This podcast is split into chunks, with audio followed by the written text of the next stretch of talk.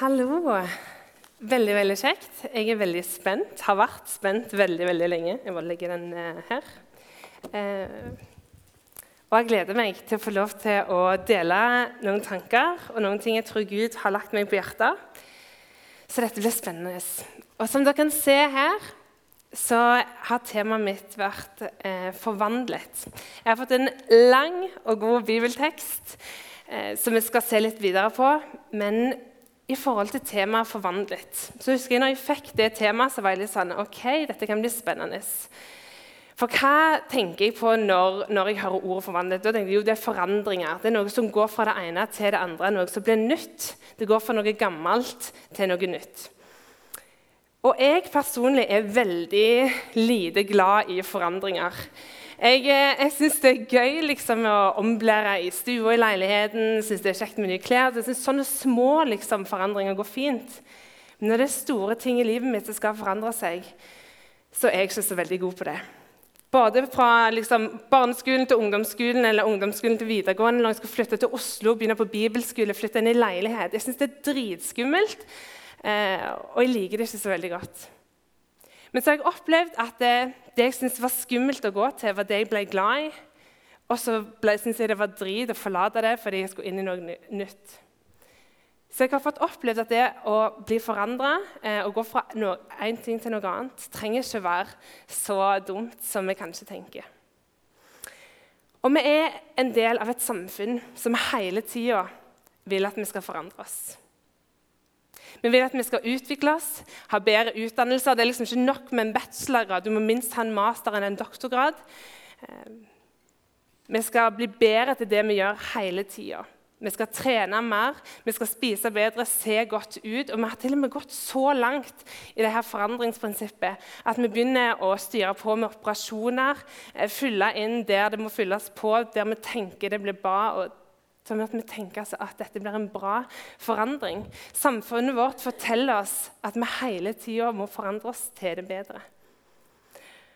Og Da tenker jeg, da begynner vi så fort å på en måte kategorisere og gjøre mindre og mindre snevre inn det her. At det er kun de som kanskje har råd til disse operasjonene, eller kun de som følger med i disse forandringene, som får virkelig til det her. Når mennesket sjøl ønsker å skape forandring og skape til noe bedre. Men i kveld har jeg lyst til å snakke om noe annet som forandrer. En mann og en gud som er den eneste som kan forandre livet vårt totalt, og det er Jesus.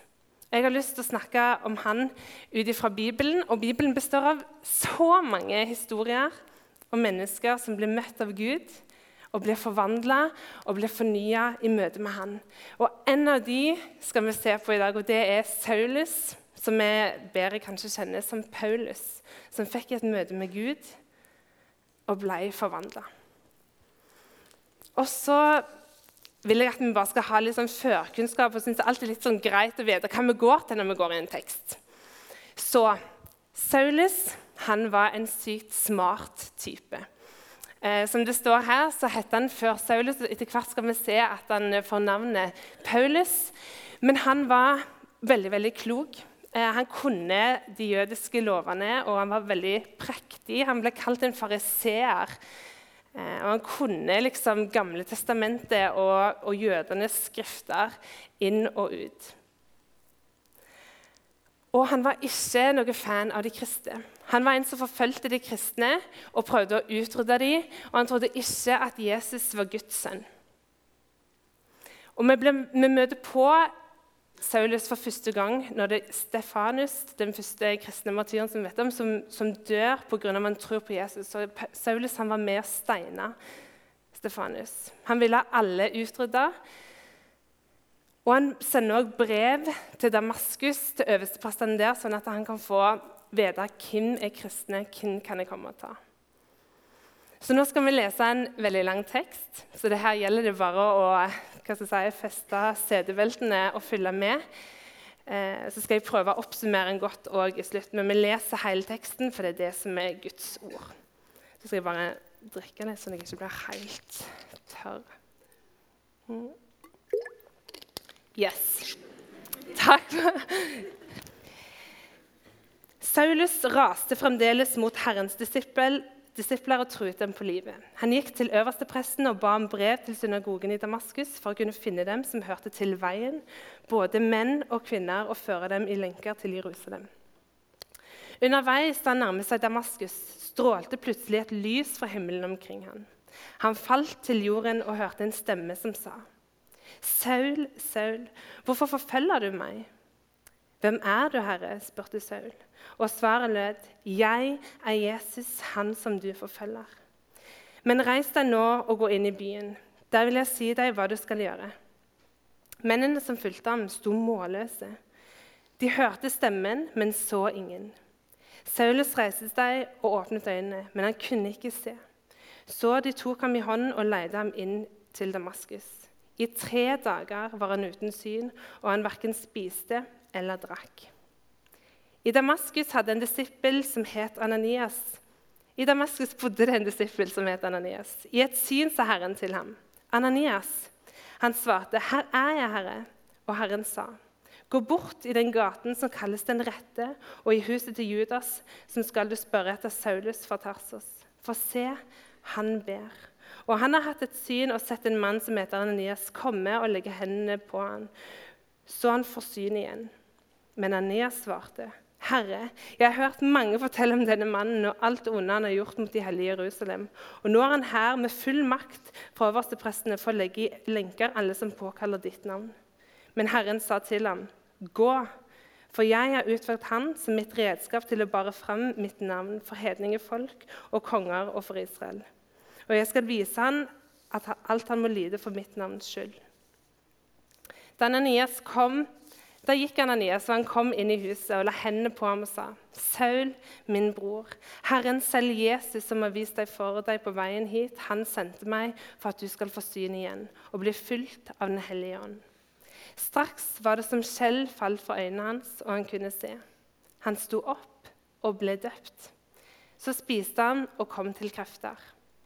Han ble noen dager hos disiplene i Damaskus, hvor han straks forkynte i synagogen og sa:" eh, forkynte om Jesus i synagogen og sa han er Guds sønn. Alle som hørte på, ble forundret og sa er ikke dette han som i Jerusalem ville utrydde alle som påkalte dette navnet? Kom han ikke hit for å føre dem i lenker til oversteprestene? Men Saulus fikk stadig større kraft, og jødene i Damaskus ble svar skyldige da han viste klart at Jesus er Messias. En god stund senere la jødene planer om å drepe han. Saulus fikk høre om denne sammensvergelsen. Døgnet rundt holdt de vakt, også ved byportene, for å få ham drept. Men disiplene hans fikk ham ut om natten. De firte ned langs muren i en kurv. Da han kom til Jerusalem, forsøkte han å komme inn blant disiplene. Men alle var redde ham og trodde han ikke var noen disippel. Barnabas tok ham med seg til apostlene. Han fortalte dem hvordan Saulus på veien hadde sett Herren som hadde talt til ham, hvordan han i Damaskus hadde forsynt frimodig i Jesu navn.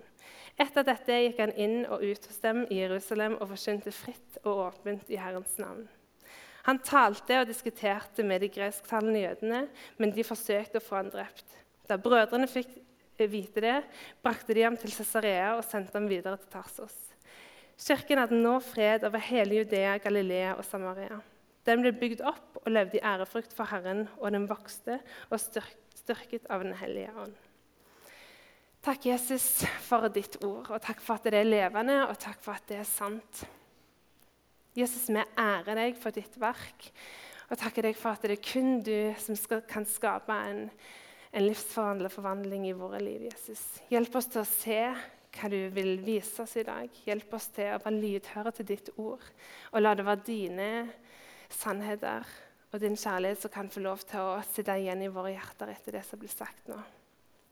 Velsign du disse minutter i ditt navn, Jesus. Amen. Ja, en heftig lang bibeltekst. Jeg har liksom sittet hjemme og lest og lest gjennom bare for å prøve å få litt flyt.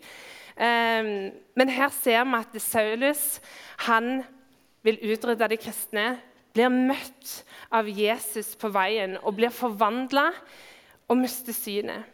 Han blir brakt inn til Damaskus, der han blir møtt av en eh, annen disippel som heter Ananias, som blir bedt om å gå og be for Saul og si hva er oppdraget hans videre.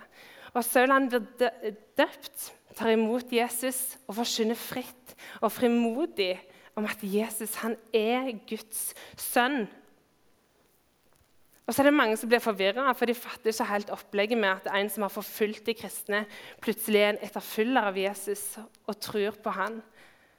Og så er det mange som er redde han de må flykte, de prøver å drepe han. Ehm, men i slutten får vi også vite at eh, menigheten den vokser og blir stor ehm, og blir fulgt av Den hellige ånd. Saulus får et konkret møte med Jesus. Jesus møter han i et stort lys, og han faller ned til bakken og han hører en stemme.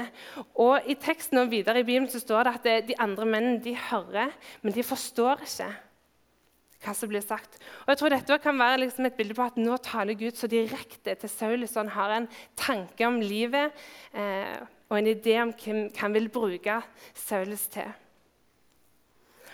Og så mister han også synet. Dette synes jeg er litt fascinerende, for han, han blir jo blenda av lyset. Men allikevel går han blind i tre dager. Og som jeg sa i starten, så var Saulus en mann som visste enormt mye. Han var en vis og klok mann, og han kunne mye om de jødiske skriftene. og han levde veldig tett inntil loven. Men allikevel så visste han også hvem Jesus var. Men han trodde ikke at Jesus var Guds sønn. Han fikk det ikke til å passe sammen. og Det ser vi litt på den åndelige blindheten som han kan ha gått i.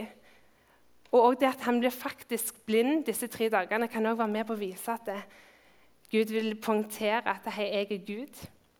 Og jeg er den sanne Messias, og Jesus er den som kommer for å frelse og kommer og forvandle. Og Paulus eh, Det kommer sikkert til å bli litt sånn forvirring, for jeg sier jo både Saulus og Paulus om en annen, men dere vet jo at det er den samme jeg snakker om. Eh, men han har skrevet mange brev i Bibelen. Og I mange av disse forteller han om denne omvendelsen, det møtet med Jesus han har hatt. Og blant annet I Korintene og i Galaterne så skriver han om dette. og I Galaterne så snakker han om at Gud kalte meg ved Hans nåde. Og I 1. Korinterne sier han at av Guds nåde er jeg den jeg er. Gud kalte Paulus til seg på grunn av nåden. Eh, og Denne fortellingen er en historie som viser hva som skjer når Gud faktisk griper inn i menneskets sitt liv. Og Det er dette Paulus kaller for nåde. At Gud griper inn og gir en ny retning i livet hans. Dette sier noe om at nåden er tilgivende, men den er òg en ny start på et nytt liv, en ny kurs som han skal få lov til å gå inn i. Og det er det vi òg er kalt til å leve, i en ny retning, i retning Jesus. Et liv der vi kan få lov til å ære Gud sammen som fellesskap og med de valgene og det livet vi lever. Og Det er så viktig å få fram at denne forandringen er ikke noe Paulus eh, strever fram sjøl. Det er ikke noe han har betalt for, det er ikke noe han har gjort for at denne forvandlingen skal skje. Men det er møtet med Jesus som gjør at han blir forvandla fra et gammelt liv til et nytt liv. Gud griper inn i våre liv. Han endrer retning, og det er alt av dette skjer pga. nåde. Mm. Og Paulus han er jo på vei til Damaskus, og her sier jeg at liksom Gud kommer og endrer retning. Og jeg synes Det er så kult at Gud tar utgangspunkt i den en er, og der en er på vei, og så endrer Gud på en måte mål og mening. Paulus var på vei til Damaskus for å drepe, utrydde og ta vekk de kristne. Men så blir han møtt av Jesus, og så endrer han på en måte retningen til Paulus. Så skal han få lov til å komme til Damaskus og tale sannhet. Og få lov til å tale om Jesus, at han er Guds sønn. Og det er stort. Og En interessant detalj er at Gud interesserer seg enormt for Eh, du kan gå én tilbake. Ja, nice. Eh, Gud han identifiserer seg så enormt med oss som menighet, oss som kristne og oss som kirke. For Jesus, eller Gud han sier jo 'Saul, Saul, hvorfor forfølger du meg?'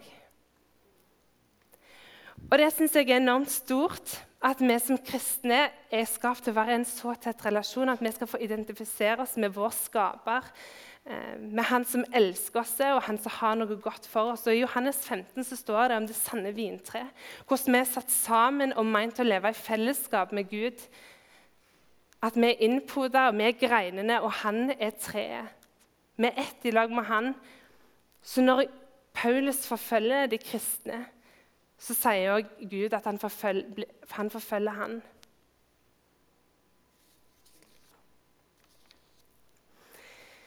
Så Paulus han er kommet til Damaskus. Eh, og her blir Ananias han blir kalt, eh, og han får et oppdrag av Gud. Og jeg tror Ananias eh, Du kan bare ta neste.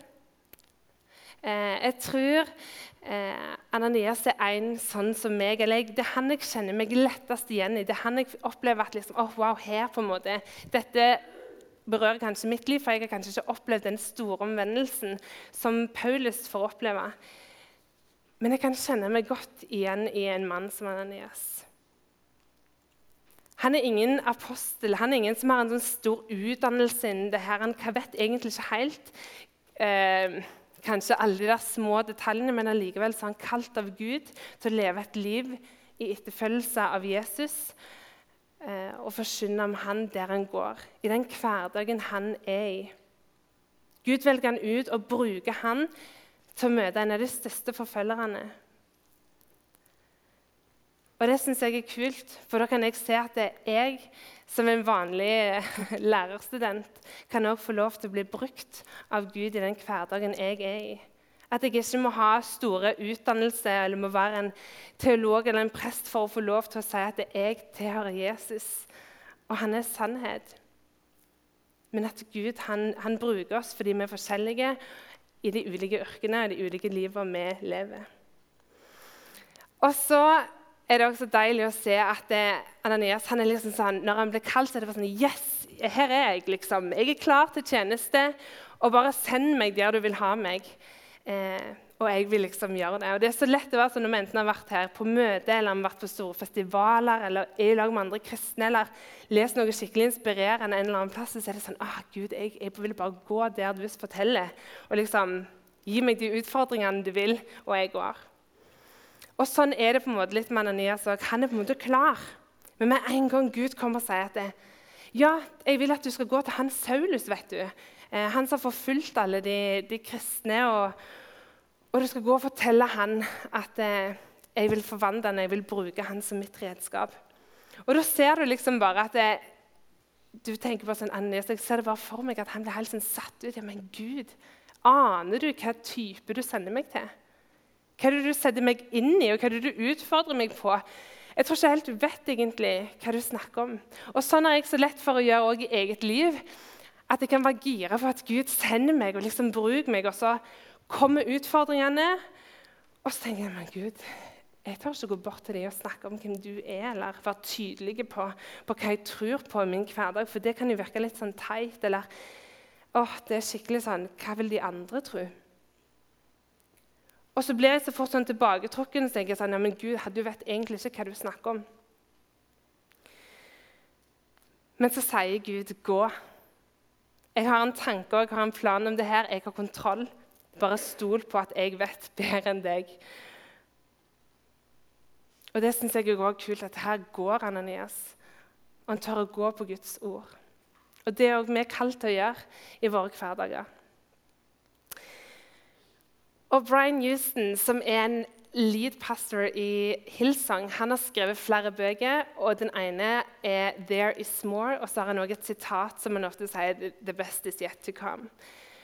Og Det høres kanskje veldig fint ut og veldig fjongt ut å si det, men jeg tror Gud har så enormt mye mer for oss enn det vi vet og det vi tror, det vi nesten tør å håpe på.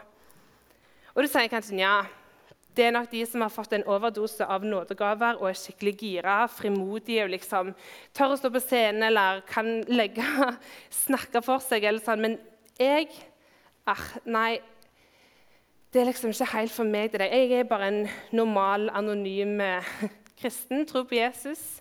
Men, eh, Men alt det der andre blir liksom så mye i tillegg, og det er ikke helt min greie. Men vet du at det er faktisk helt perfekt? For faktum er at de aller fleste mennesker du kommer til å møte på, kommer til å være normale, down to earth, som ikke kommer til å fatte hvis du hadde bare sprunget dem ned og liksom vært overgira og vært liksom sånn svevende. Mennesker som du kommer til å møte på i din hverdag, trenger en som lever tett til Jesus, men òg lever tett til de menneskene rundt seg, som er så å si normal.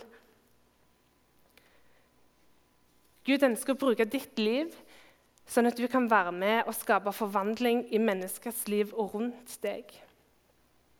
Og I vers 13 så ser vi den unnskyldningen som man kommer med.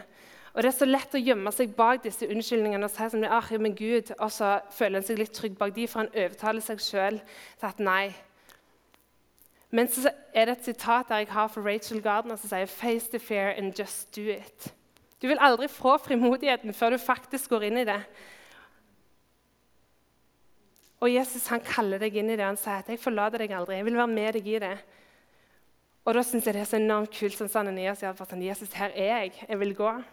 Og jeg tror virkelig at denne møten, når han møter Saulus og ser hva forvandling Jesus har gjort i han, så tror jeg også det vil skape en forvandling inni livet til Ananias. Han opplevde at wow, jeg får lov til å være en del av Guds plan. Jeg får lov til å bli forvandla av Jesus sjøl, men jeg får også lov til å skape forvandling gjennom andre med at Gud bruker meg. Og Hvis Gud kan gi Paulus et nytt liv, da kan han gi meg og deg òg et nytt liv.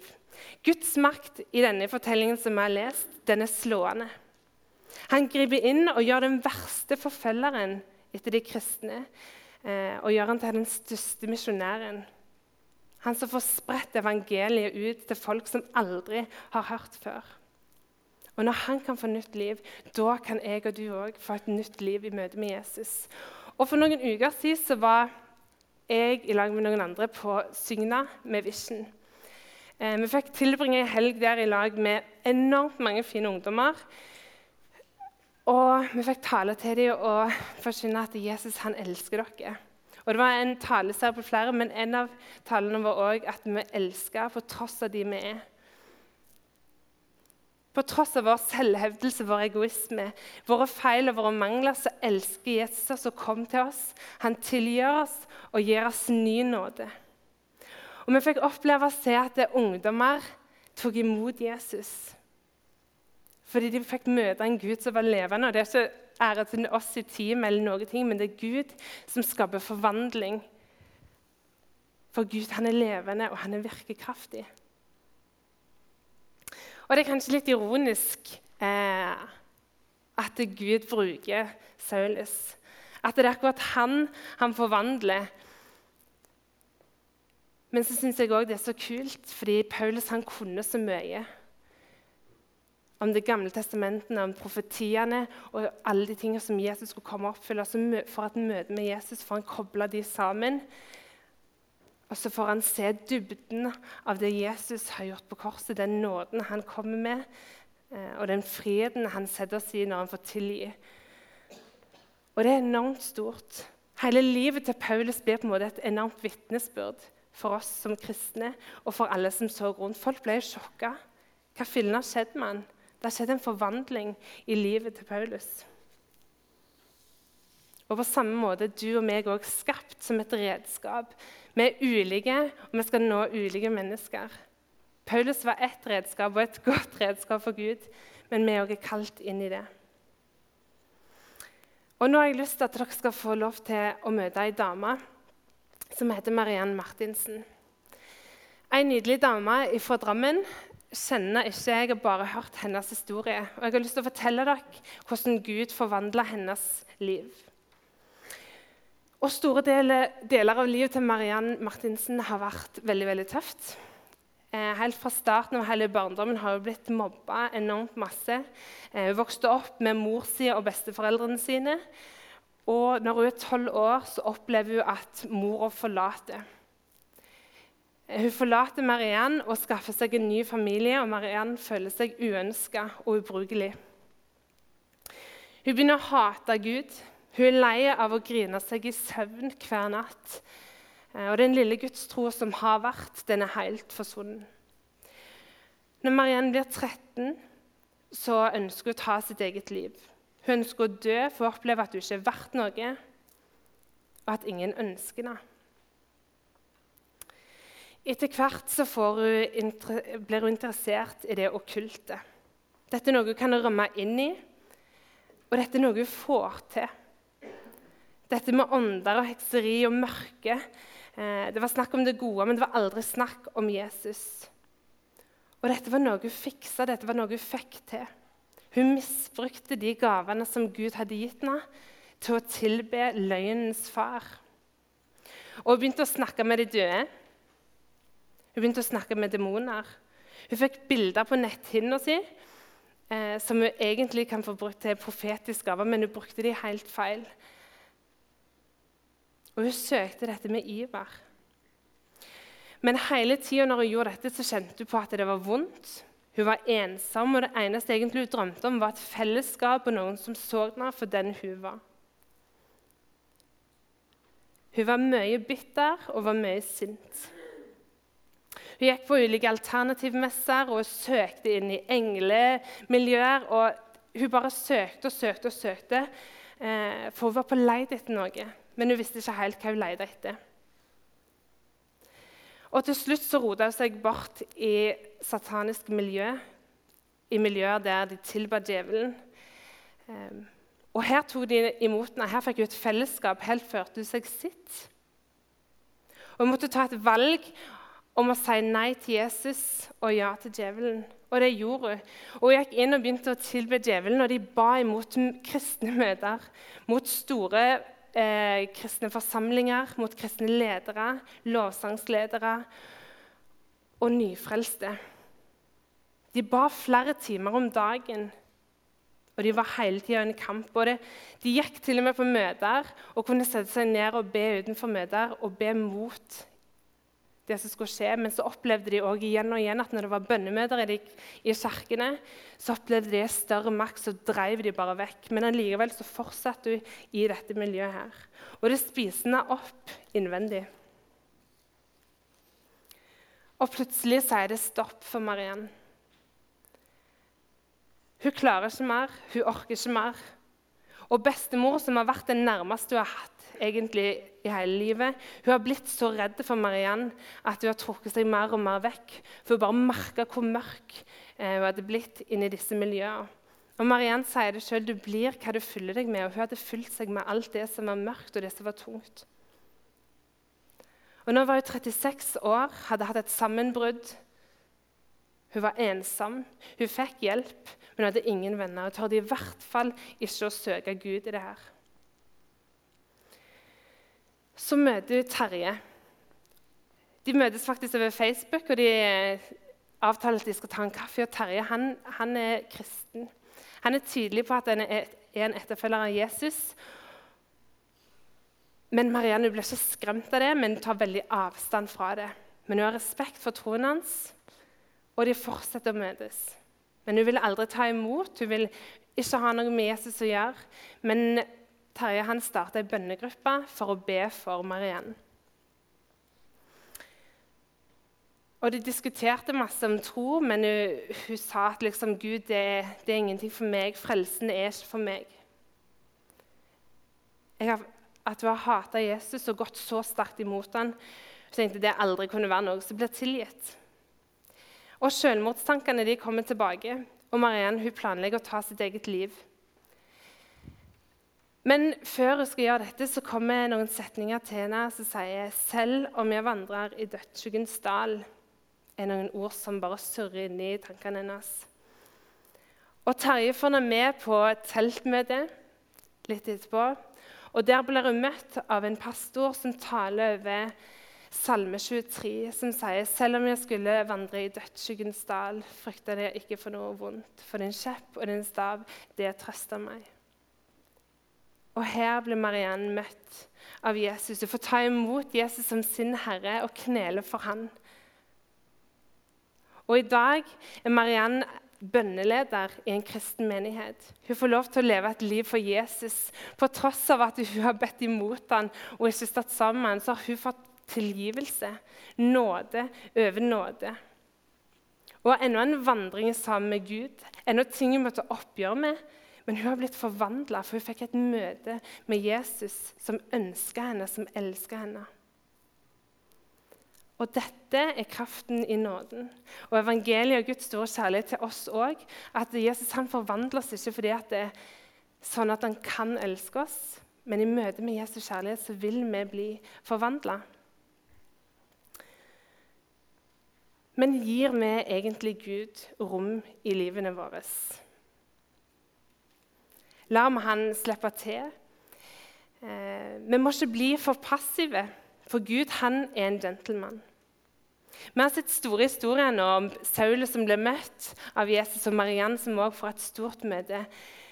Og Det kan virke veldig svevende, og du kan sitte her og tenke herlighet, jeg har vært kristen hele livet, og det her er liksom ikke så livsrelevant eh, for meg. Og jeg har aldri hatt de der store opplevelsene den ene dagen der Jesus har kommet og forvandla meg. Eller om du faktisk har en sånn dag, og så tenker du at ja, men det skjedde ikke sånn. Jeg har ikke kjent på noen sånne følelser eller hatt noe sterkt møte. Eller om du sitter der og aldri ikke tatt imot Jesus. Men det jeg har lyst til å si til deg som ikke har kjent på en sånn syk forvandling, er at livet sammen med Jesus det vil hele tida være med på å forandre deg. Jesus er forskjellen. Han er den du alltid kan gå til, han du alltid kan søke. Du er aldri alene. Og jeg tror ikke det er sånn at du kanskje alltid kjenner på det, eller at det er så masse følelser innblanda i det. Men jeg tror det er litt sånn med oss som mennesker òg, at når vi vokser, så er det ikke sånn vi våkner opp en dag og bare Wow, i dag har jeg blitt forvandla. Men så er det kanskje den slektningen eller de ja, tantene og onklene som du ikke ser så ofte, som plutselig ser deg etter et år og to og sier Wow, du forandra deg. Det har skjedd noe, eller du har vokst siden sist.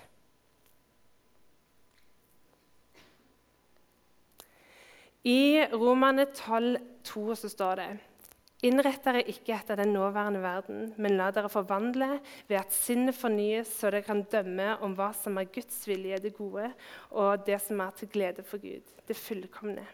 Og I 2. Korinterne 4,16 så står det Derfor mister vi ikke motet. For selv vårt, om vårt ytre menneske går til grunne, blir vårt indre menneske fornyet dag for dag. Forandringen og fornyelsen eh, og forvandlingen som skjer i kristenlivet, kan være store og radikale, sånn som vi har hørt. Men for mange av oss så tror jeg det er de små dryppene hver dag av Guds nåde som vi får lov til å vokse i og får lov til å gå på, som er den forvandlingen som skjer i våre liv. Og Nå skal jeg gå mot en avslutning. Og Det er lett å tenke som kristen at det, ah, det, er ikke så veldig masse i mitt liv som trenger å bli forvandla. Det er ikke så mye jeg trenger å forandre på. egentlig. Jeg ser egentlig mest hva andre trenger å forandre på.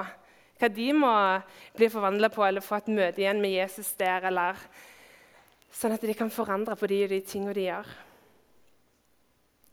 Og det kan jeg si selv at det opplever, jeg ofte. Synes av og til, ah, men Jesus, Hva er liksom forvandlingen du har gjort i mitt liv?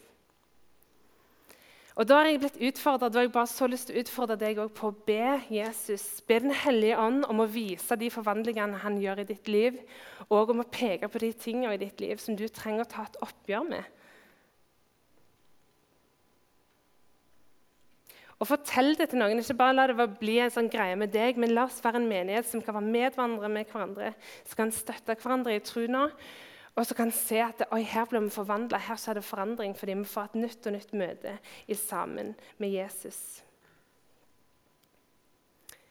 Jesus han forvandler deg ikke for å kunne elske deg, men i møte med Hans nåde og sannhet om at, du, at han elsker deg, så vil du bli forvandla. Og du vil få en ny retning og et nytt liv. Jesus, jeg takker deg vi ærer deg, og vi lovpriser deg. Takk, Jesus, for at du er den eneste som kan skape forvandling i våre liv.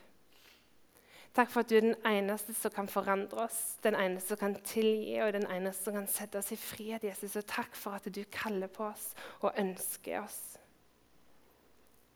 Takk for ditt verk på korset, og takk for at det gjelder like mye i dag som det gjorde da. Jesus, hjelp oss til å se den forvandlingen du har gjort i våre liv, og la oss få lov til å bety en forandring eh, inn i andres liv rundt oss, Jesus. Jeg ber om velsignelse over misjonssalen og denne byen vi får lov til å bo i, Jesus. I ditt gode navn. Amen.